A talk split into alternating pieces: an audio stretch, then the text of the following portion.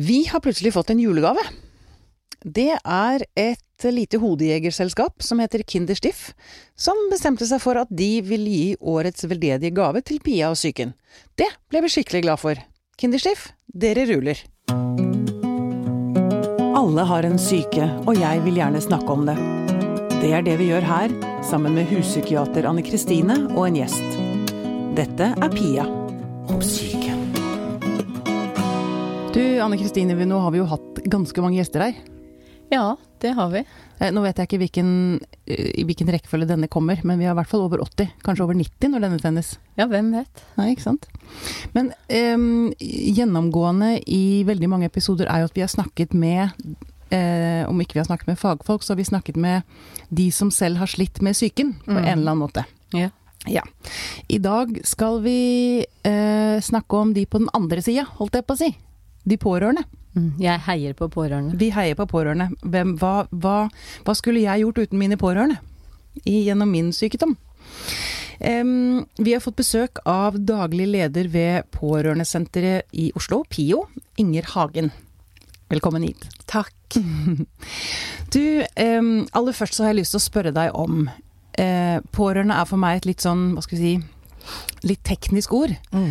Eh, pårørende er jo mennesker som står oss nær, ikke sant? Mm. Hvem er de pårørende? Det er selvfølgelig nær familie. Mm. Eh, om det er foreldre, barn, søsken. Mm. Kusiner, fettere. Altså, ja. Ja. Er det andre? Er, er kollega liksom en pårørende? ja. Ja. Jeg mener det er alle mennesker som, eh, som står deg nær. Vi, vi må ikke glemme at det er du som sliter med psyken, som bestemmer hvem som er dine pårørende. ja, nettopp. Og det syns jeg er et viktig poeng. Mm. Så, så slipper vi alt det ja, men noen pårørende vil noe annet, osv. Mm. Det er brukeren som bestemmer. Når det er sagt, så er det jo mange andre som kan stå nær. Og når man vet at når folk sliter med psyken, så har de kanskje behov for å skyve noen fra seg. Eh, som Og har de kanskje- Ja. Eh, det viser seg veldig ofte at eh, Jeg vet ikke hva det handler om alltid, men kanskje at du har behov for eh, i møte med fagfolk å holde de nærmeste unna, på en måte, Ja. og fremstille deg selv kanskje på en litt annen måte. Ja, akkurat. Skjønner du hva jeg mener? Jeg skjønner veldig godt hva du mener. Særlig en mor, eksempel, eller en ektefelle. Eh, og ofte tror jeg kanskje eh, Kanskje ikke i forhold til barn, da tror jeg eh, man tenker at man vil beskytte barna. Mm. eh, at de ikke skal bli eh, belastet. Mm. Um, men det er veldig påfallende at selv om man har veldig mye kontakt med pårørende, så kan man si til helsepersonell jeg vil ikke at de skal involveres. Og det må jo være lov også. Det, selvfølgelig er det også lov, Mm. Men hvis du da samtidig eh, La oss si du er en ektefelle, da. Mm. Eh, man har felles barn, eh, man lever i et forhold, og så når man kommer i behandling, så vil man ha de unna. Men man er jo i et forpliktende forhold veldig ofte. Hvis du er foreldre, eller du er ektefelle eller kjæreste, Mm. så har du ansvar og forpliktelser i forhold til de som er nær deg, selv om du er syk. Mm. Og for at de skal kunne forstå deg og, og se hvilket ansvar du kanskje ikke kan ta lenger, så må de involveres. Ja. Og det kan man gjøre på eh, gradert måte, for å si det sånn, da. Sant? Du kan ha gradert samtykke, f.eks. Mm. At eh, jeg vil ikke at mor skal få vite det og det, men jeg vil at mor skal forstå hva slags behandling jeg går i. Ja. Og kanskje mor kan få veiledning i hvordan hun skal trekke seg litt unna nå, men da må hun trygges, f.eks. Mm. Det er ikke sikkert vedkommende som sliter, skjønner det, men det bør fagfolk og behandlere forstå. Ja. At disse personene er involvert. Mm. Det som er nå, er at um, de fleste får hjemmebasert behandling eller poliklinisk behandling. Mm. Ikke sant? Sånn at de er ikke innlagt noe særlig. Eh, og da er de veldig mye sammen med de de er pårørende til. Ja. Selv om de kanskje ikke sier det, så er de det. Og da er man i et sånt vakuum. Man forstår ikke hvordan man skal oppføre seg, eller hva som skjer. Ikke sant? Man må på en måte være delaktig i den behandlingen på en god måte Mm. for at det skal være positivt. Ja, ja.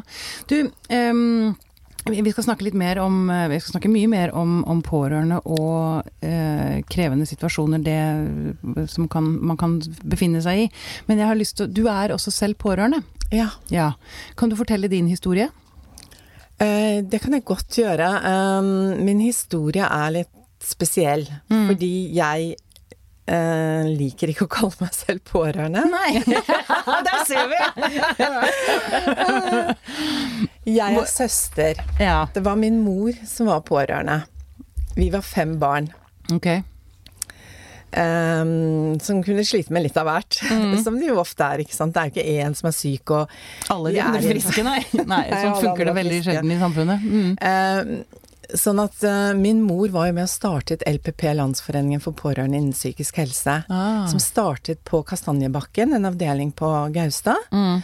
uh, med foreldre som ønsket å gjøre noe for de de var pårørende til. Ja. Så i utgangspunktet så er LPP en solidaritetsorganisasjon for folk som sliter. Ja. Fordi de, fordi de står nær. Ikke, sant? ikke en organisasjon for å ta vare på oss selv. Mm. Og det jeg har gått mange runder på dette her, og, føler at vi er tilbake der. Mm. Jeg var jo da eh, Jeg har en yrkesbakgrunn fra mm, Norad og UD. Har jobbet med informasjon, kommunikasjon, eh, kultursamarbeid.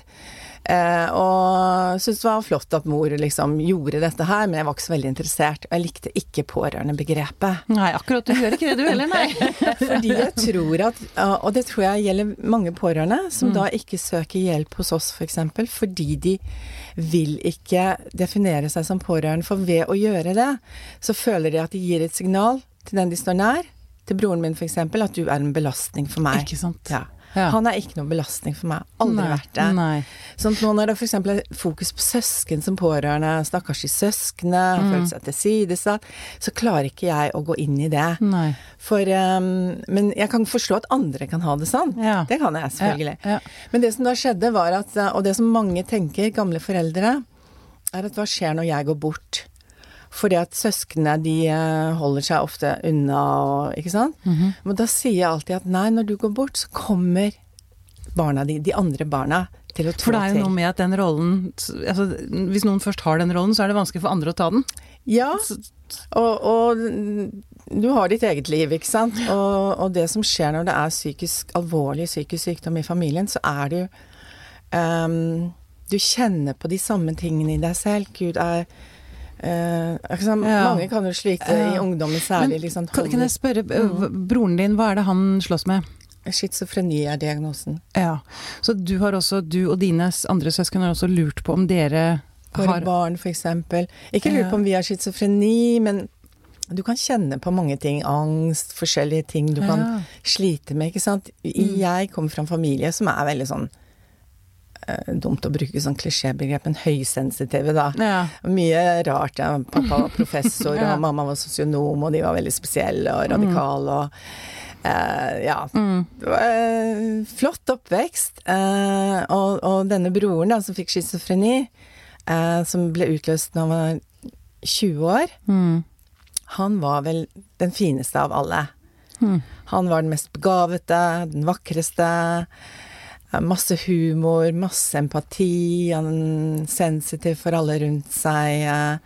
Så det var eh, Det er en stor sorg for alle sammen, som jeg kanskje Jeg var ikke så nær han, men jeg så tidlig at han begynte å få problemer. Mm. Så mor og far i den type familie vi var i, syntes bare han var original og spesiell. Mm. Mens jeg var superopptatt av å være konform og passe inn. eh, Litt sånn kompenserte for han. Akkurat, det er sant. Og jeg bodde i et sånt sossemiljø i Bergen.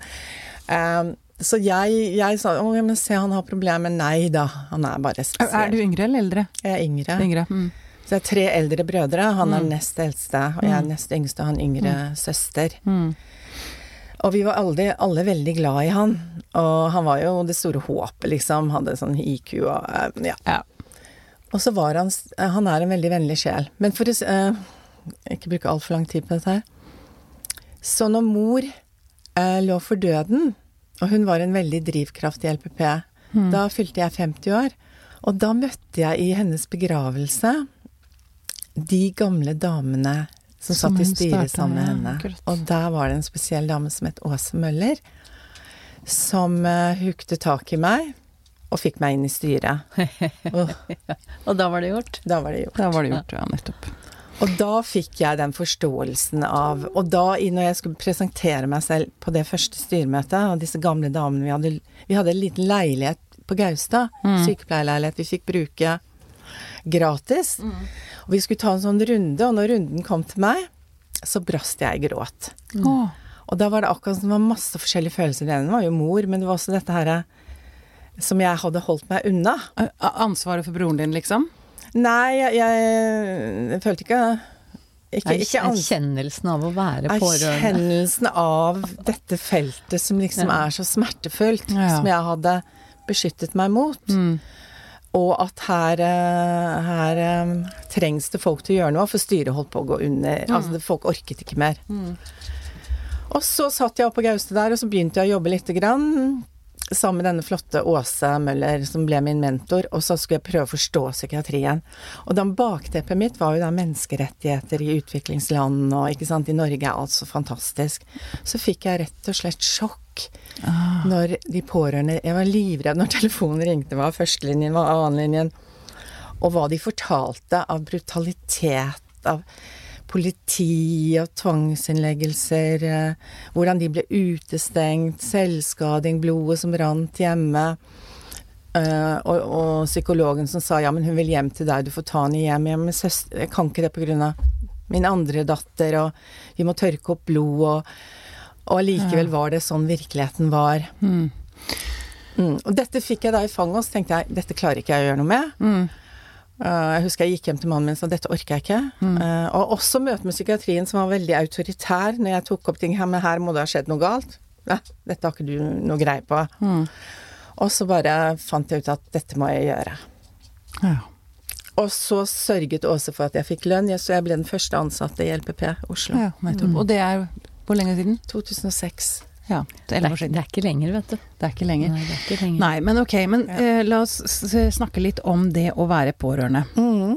Eh, eller å stå nær et menneske som slåss psykisk. Mm. Eller som sliter med rus.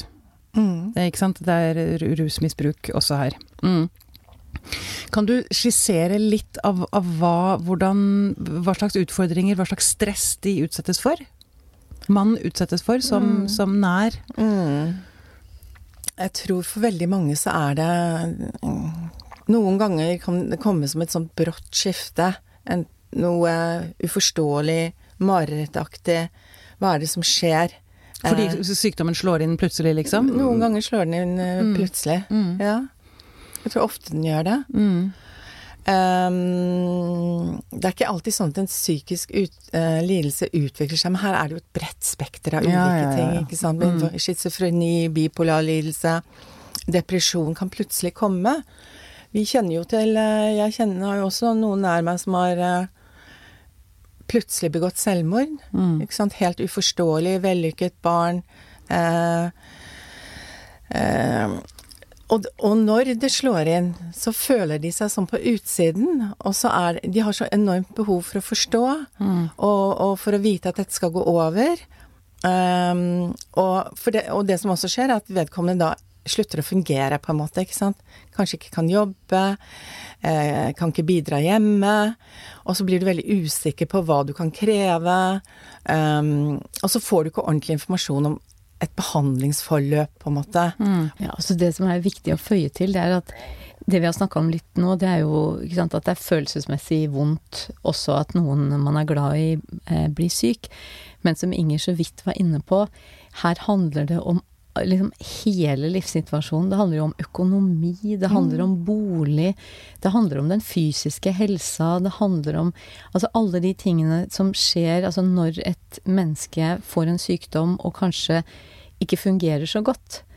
Når man står rundt, så kan man jo ikke bare sitte og trøste og klappe på armen. Man må faktisk også ordne opp i, Ja. i husleie, og man må ordne opp i medisiner, og man må ordne opp i så mange ting.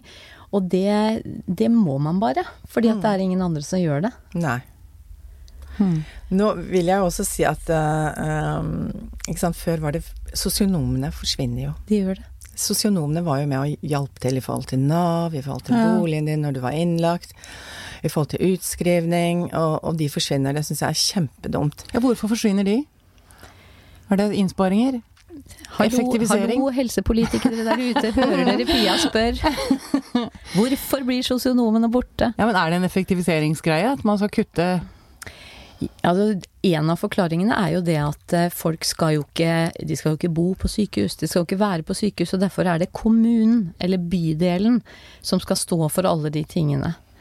Sånn at i stedet for at det er da sosionomer som er ansatt på sykehuset, og som kan jobbe med pasienter og pårørende over tid, så skal man settes i kontakt da med Nav og med kommunen. Ja, mann, når du sier mann, så er det pårørende? Ja, pasient og pårørende, og det er ikke så mye Det er ikke så mye hjelp å få til de praktiske tingene mens man er innlagt. Så det er bare sånn du skal være her så kort, så Mm. dette må du ta med kommunen. Dette må Mm. du ta med bydelen. Mm. Og så kan det jo fort glippe litt, da.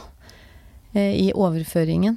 Og det er så mye annet. Og så er det jo det som Ingen var inne på, hvis man i utgangspunktet ikke egentlig er så kjempeinteressert i å få hjelp, så er jo alt som skjer utenfor sykehuset, er jo i hvert fall frivillig. Ja, Så det, så det blir noen sånne Og at du samtidig skal være syk, og samtidig må du ordne opp i masse Mm. byråkratiske ting for Mm. å kunne overleve økonomisk. Eh, ikke sant? Og du er jo ikke der. Det er jo det som er det merkelige i Norge, at vi skal alle sitte digitalt og administrere vår egen helsehjelp Mm. mens vi er syke. Mm. Det er på en måte som om ingen egentlig er syke lenger. Du skal bare Du skal bare fikse det. Du kan Ja, være litt, litt syk, men ikke Men jeg har bare lyst til å nevne en ordning da, som, eh, som på en måte avhjelper dette. Og det var den ordningen som eh, Sverige lanserte med sin psykiatrireform. Mhm. Og det var personlig ombud. Personlig ombud var en person som du fikk dedikert til deg, som hjalp deg ut i livet. Ja. Alle mulige praktiske ting, og også hvordan Det har de du i Sverige. Ja, og det startet vi i LPP Oslo. Ja. Og vi har eh, tre stillinger med støtte av Helsedirektoratet. Vi har hatt følgeforskning på det. Og sånn at PIO-senteret er et senter for hele familien. Du, jeg må bare spørre, når du sier LPP, du sier LPP og PIO, hva er forskjellen? Ja, LPP Oslo lokallag driver PIO-senteret. Ja, okay. Og jeg leder begge steder. Og LPP står for? Landsforeningen for pårørende innen psykisk helse. Akkurat. Nettopp, Mm. bare for å ha Mm. klar, klarlagt det for lytteren òg. Mm. Ja, så den forrige generasjonen, min mor og de andre Mm. som startet LPP, de var veldig opptatt av personlig ombudsordningen. De var veldig samfunnsbevisste kvinner, eh, radikale, opptatt ikke bare av den de var pårørende til, Mm. men av å endre systemet til beste for den de var pårørende til. Men du sier at dere har nå innført en, ordning, innført en ordning med pasient... Hva sa du? Ombud? Personlig Person, ombud. Personlig ombud. Eh, eh, jeg holdt på å si betalt av hvem? Altså, eh, Betalt av penger vi fikk av direktoratet, og Ja. nå får vi både litt fra direktoratet og Oslo kommune. så det betyr at hvis man bor i Oslo, så kan man søke dere om å få Mhm. Ja, se der. Ja, det var jo nesten en liten gladnyhet. det må vi Ja. Og det er jo det mest populære pårørendetiltaket vårt. For når du kommer til oss, har vi mange ulike tilbud for pårørende. Mm. Men så har vi også personlig ombud Mm. for den du er pårørende til. Mm. Og så har vi familierådgivning. Sånn at den du er pårørende til, kan få personlig ombud. Det er bare de to. Møtes hvor som helst, gjør han bestemmer eller hun bestemmer. Ikke noe journal, ikke noe sånt. Og så samtidig så har vi rådgivning for pårørende, kurs, mestringskurs, Mm. mange ulike ting, yoga og sånn. Og så kan disse møtes i familiesamtaler. Så etter hvert så begynner vi å bli mye mer integrert. For Ja. jeg skjønner jo er ikke så opptatt av at vi skal ha pårørende der, pasienten der. Dette må være integrert. Det er folk. Ja, og vi er sammen om det. Mm, Mm. Ikke sant. Men jeg har lyst til å vi, em, Det er veldig Det er jo altså, så kult å høre at folk gjør sånne ting som dere. At Ja. det finnes sånn tilbud. Jeg er sikker på det er mange som ikke vet om dere. Ja, fortsatt utrolig Ikke sant? Så, informere, informere. Um, ja. Eh, Men for å gå litt bort fra det politiske, Mm. jeg har lyst til å snakke litt om eh, det å være pårørende. Ja. Og i litt forskjellige konstellasjoner. Enten man kan være barn Mm. ikke sant, av en som er psykisk syk. Ektefelle, kjæreste, samboer. Mm. Foreldre. Mm. søsken. Eh, Kan vi si litt om de forskjellige utfordringene eller rollene. Ulike pårørende har? Mm. Jeg bare tenker på de som sitter der ute og er Ja. pårørende. Um, for å si, ikke kartlegge, men bare Ja. snakke litt sånn personlig om altså jeg, tenker, jeg er jo blitt tvangsinnlagt, ikke sant? Og jeg eh, kan jo slite med litt sånn skam og eh, jeg på å si dårlig samvittighet Fordi vennene mine og familien min som måtte stå i dette. Ikke sant? Mm. Um, men um, altså det er litt sånn Jeg regner med at det er ganske mange eh, altså følelser i konflikt. Altså du bryr deg veldig om mennesket som er sykt, men det er også veldig slitsomt. Mm. Ikke sant? Jeg har mange Jeg har mm. Hva heter det? Conflicting feelings. Hva heter det? Altså, Ja. ja. Og det har vel også de pårørende, Ja. skulle jeg tro. Mm. Men de er veldig Det sitter langt inne å uttrykke det. Ja. Eh, De kommer alltid til oss med å få hjelp til den de er pårørende til. Mm. Og, og, og, vi, og de vil nesten ikke ta imot de andre tilbudene før de har fått på plass den de er pårørende til. Så derfor er personlig ombudet så innmari viktig. Hva sa du, de vil ikke ta imot hjelp til seg selv Nei. før Nei. den syke er Ja. blitt tatt hånd om? Det er jo det det er viktigste for oss. Ikke? Ja. Hvis ikke den jeg er pårørende til Hvis den jeg får pårørende får hjelp, så, så har ikke jeg noe problem lenger. Nei. Det må vi ikke glemme. Mm. Det er ikke en sånn pårørendegreie at vi skal Jeg liker ikke dette at man bygger opp parallelle pårørendetilbud som en egen målgruppe. Det er så misforstått, fordi det henger sammen med hvordan det går med den du er pårørende til. Det betyr ikke at du er medavhengig eller noe sånt nødvendigvis, Mm, sant. Men du, du går jo opp og ned sammen med den du er pårørende til. Naturlig nok. Ja. De jeg føler som har det på en måte verst, eller som, eh, som ikke kan velge Du kan jo alltid velge den pårørende rollen. Du er jo familie til noen, men du kan velge å gå ut av den rollen, hjelperollen, og ordne opp og sånn. Eh, rett og slett for å, å overleve selv. Mm. Og, men de som føler at de ikke kan det, det er foreldre. ja. Og veldig ofte mødre. Mm. Og så er det de som jeg eh, også eh, Så er det ektefeller. Som har, når du har barn felles. Mm. Eller skilte foreldre som har felles barn. Eh, og, og la oss si moren til barnet blir tvangsinnlagt, og du får ikke noe informasjon. Hun vil ikke at du som har, er far til hennes barn, vil ha, skal få noe informasjon. Må bare spørre, har man eh, som pårørende ingen krav om å få informasjon? Altså Kan pasienten, den syke, si at de rundt meg skal ikke vite noen ting? Det er pasienten som, Bortsett fra på tvang, Anne Kristine. I, Altså det er Du kan si skillene er ikke så skarpe, men fordi at nå har vi altså et lovverk som, som sier at pårørende har måtte krav på noe informasjon. mm, Eh, og så er det Men man har jo ikke krav på å vite si, den som er syk sine innerste følelser og innerste tanker og hva som foregår i terapien. Men man har jo krav på informasjon om f.eks. sykdommen. Og hva som er vanlig ved sykdommen. Sånn at som regel så får man jo til no, Hvis viljen er der fra helsevesenet, så er det alltid noe informasjon man kan gi. mm. Altså jeg har vel enda, altså Nå jobber jeg jo ikke klinisk lenger, men jeg har vel til gode å måtte kan du si, avvise pårørende pga. taushetsplikt. Altså det er mulig å få til noe. Det er, my- ja, Altså, men det er- hvis viljen er der. Hvis viljen er der. Og fortsatt, ja. ja. fortsatt en dag i dag er det mange som blir avvist pga. taushetsplikten uten at pasienten er spurt, Ja. og også ikke gir generell informasjon. Men da er det det personen i helsevesenet som liksom er ansvarlig lege Ja, jeg- eller noe sånt, noe som tar den avgjørelsen helt på Ja. Det er, lett å gjemme, det er lett å gjemme seg bak uh, taushetsplikten. Ja. Altså jeg tror nok at det har skjedd en del ganger at man påberoper seg taushetsplikten uten egentlig å sjekke ut hva som er mulig. For taushetsplikten er jo egentlig bare til hinder for at uvedkommende skal få personlig informasjon om noen. Den er jo ikke til hinder for at folk kan samarbeide rundt et menneske som er i behov av hjelp. Nei. Så det betyr at en pårørende som kommer til ehm, et sykehus eh, eh, kan si at altså, man skal ikke la seg avfeie av taus- taushetsplikten, er det det dere sier? Mm. At det er ja, Det at gir vi man har veldig mye råd om. Ja, akkurat, mm, nettopp. du kan. Men det som også skjer, ikke sant, de fleste pårørende er jo ikke interessert i pasientens innerste tanker. Nei. Det er en misforstått greie. Ikke sant? Mm. Nei. De er interessert i å vite er han i, eh, i, i behandling, hva går behandlingen ut på, Mm. hva er prognosen, hvor lang tid vil det ta, er han ivaretatt. Mm. Det er jo fortsatt sånn at de ikke vet hvor vedkommende er. Hvis eh, vedkommende plutselig er blitt innlagt, eh, og, og, og de er fortvilet, vedkommende er borte, de finner ikke De finner ikke Nei, De kan ringe sykehuset, tro han er på Ullevål, på akutten, får ikke beskjed. Nei, du tuller! Nei. Og dette har avstedkommet de verste ting. What? Ja.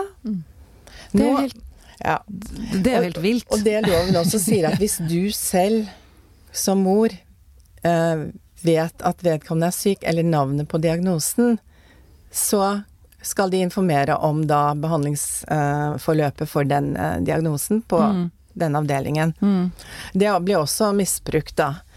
Eh, Misbruk på hvilken måte? Nei, at, at de ikke er klar over at loven sier det. Det er Mm. akkurat som den taushetsplikt, den lovgivningen der, den er den som på en sitter i ryggmargen av en eller annen merkelig grunn. Men hva, hva er det Hvorfor er legene Jeg må jo si leger, da. Psykiatere eller hva Hvorfor tviholder de på den, tror dere? Hva er det som beskytter de seg Altså, hvorfor altså, det blir jo å spekulere, Det blir å spekulere, men, Men eh, for det første så tror jeg ikke at man har tatt innover seg helt eh, pårørendes eh, rettigheter. Mm. Fordi at eh, sånn som det er i lovverket, så er det jo at hvis et menneske som er Altså et menneske som er innlagt på tvang, f.eks., er jo da, i hvert fall etter den nye loven nå, vurdert til å ikke ha samtykkekompetanse. Og det som står i lovverket, det er at hvis den som er syk ikke har samtykkekompetanse, så skal nærmeste pårørende involveres i de avgjørelsene rundt pasienten. Du I samme grad som pasienten ville vært hvis han hadde vært samtykkekompetent. Samtykkekompetent, det betyr at man har, kan er i stand til å liksom si ja eller nei, eller Ja, at du vet eh, konsekvensene av Mm. å si ja eller nei. Mm.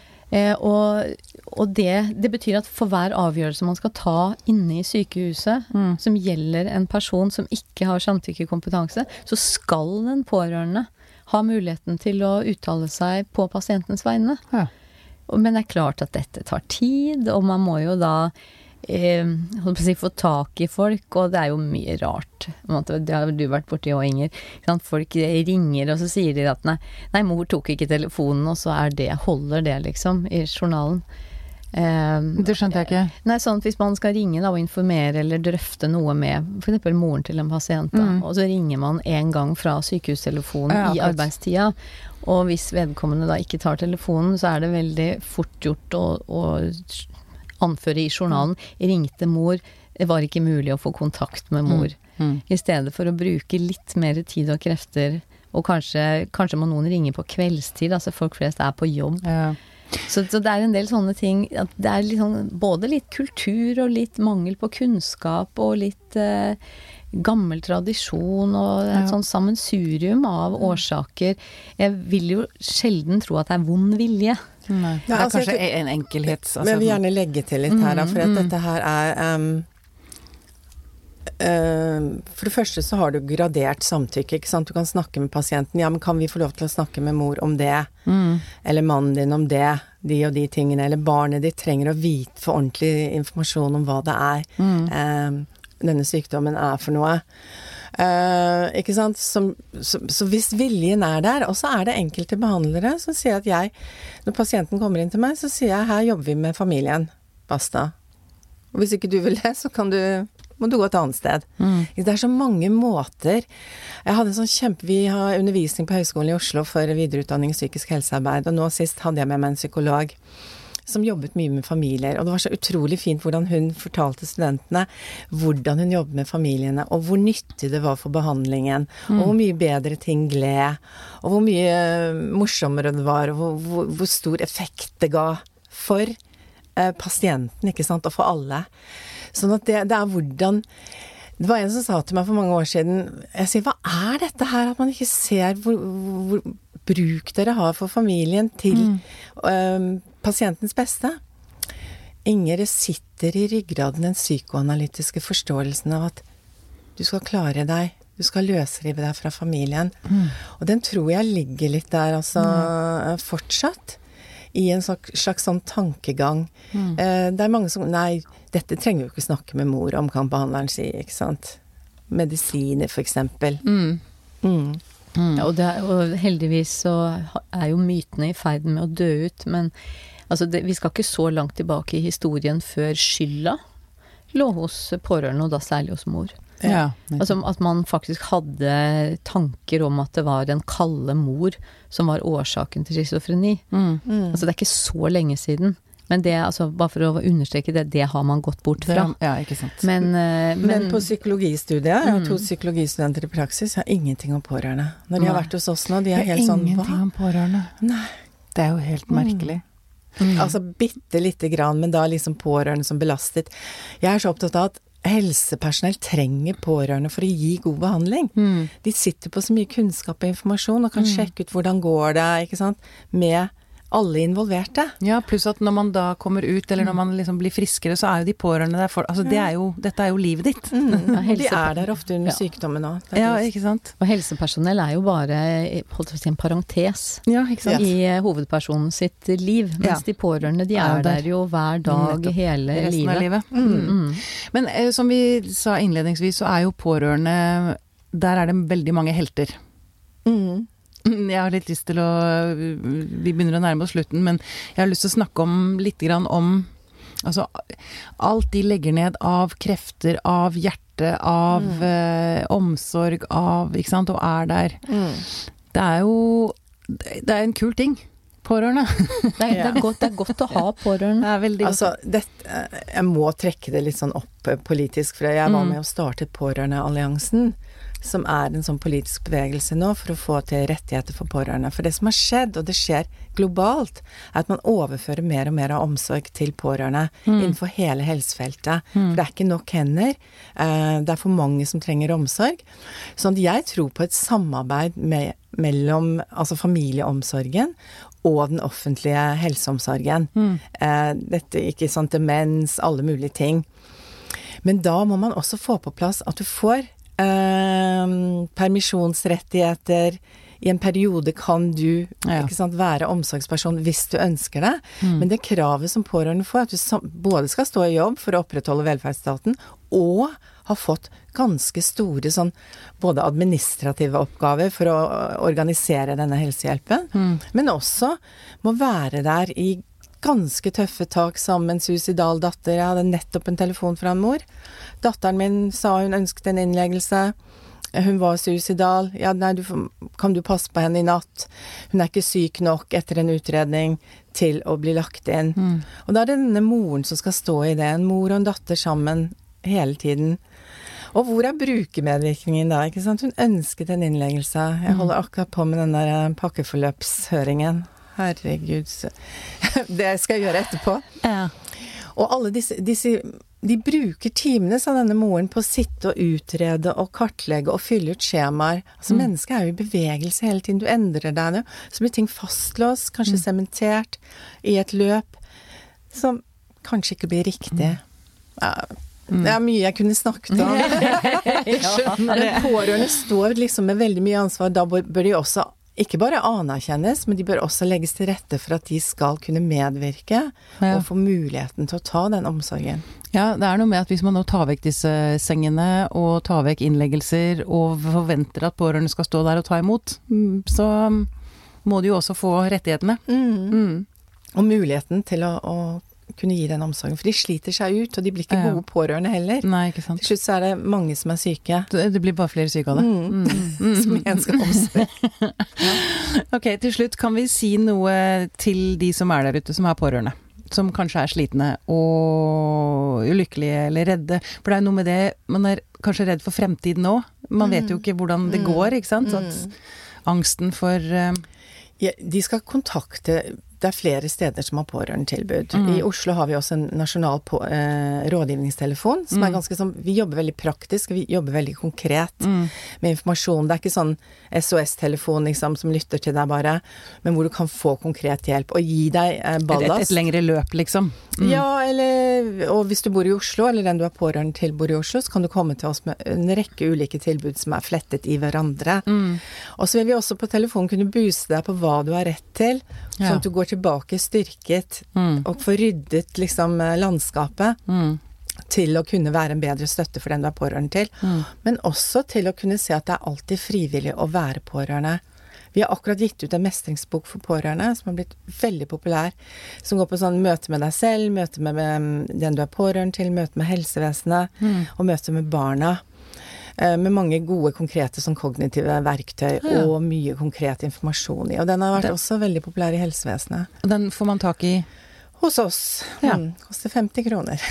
ja, Det er Så kan vi, jo, overkommelig. kan vi jo nevne òg at det, det bygges jo opp eh, si, tjenester hvor det går an å få tak i informasjon og få litt også kunnskap. Pårørendesenteret i Stavanger. Ja. Det er jo pårørendesenteret.no. Mm. Eh, Der ligger det alt fra små artikler til filmer til informasjon. De har også muligheter for at man kan ta kontakt. Og så Eh, har de kart, på kartet, norgeskartet, så står det hvor i landet mm, pårørendetilbudene er. Ja. Så du kan gå inn på ditt lokale sted, og så Det er hjelp å få. Det er hjelp å Det få det. Du er ikke alene. du er ikke alene. Nei, Nei. du er ikke Du er ikke alene. Og det kan kanskje også være en god ting å snakke med andre pårørende fra andre familier. Altså, Ja, det er mange organisasjoner Mm, òg. ikke sant. Likmannsorganisasjon. På Mm. rus har vi mange landsforbund mot stoffforbund. Mm. Du har et nytt pårørendehus som Frelsesarmeen har startet i Oslo, mm, som vi har godt samarbeid med.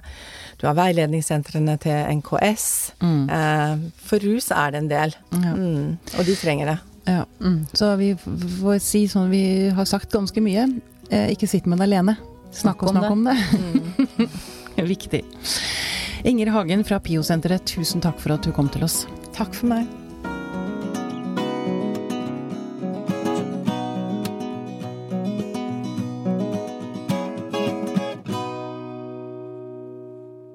Denne podkasten er produsert av Tid og Lyst.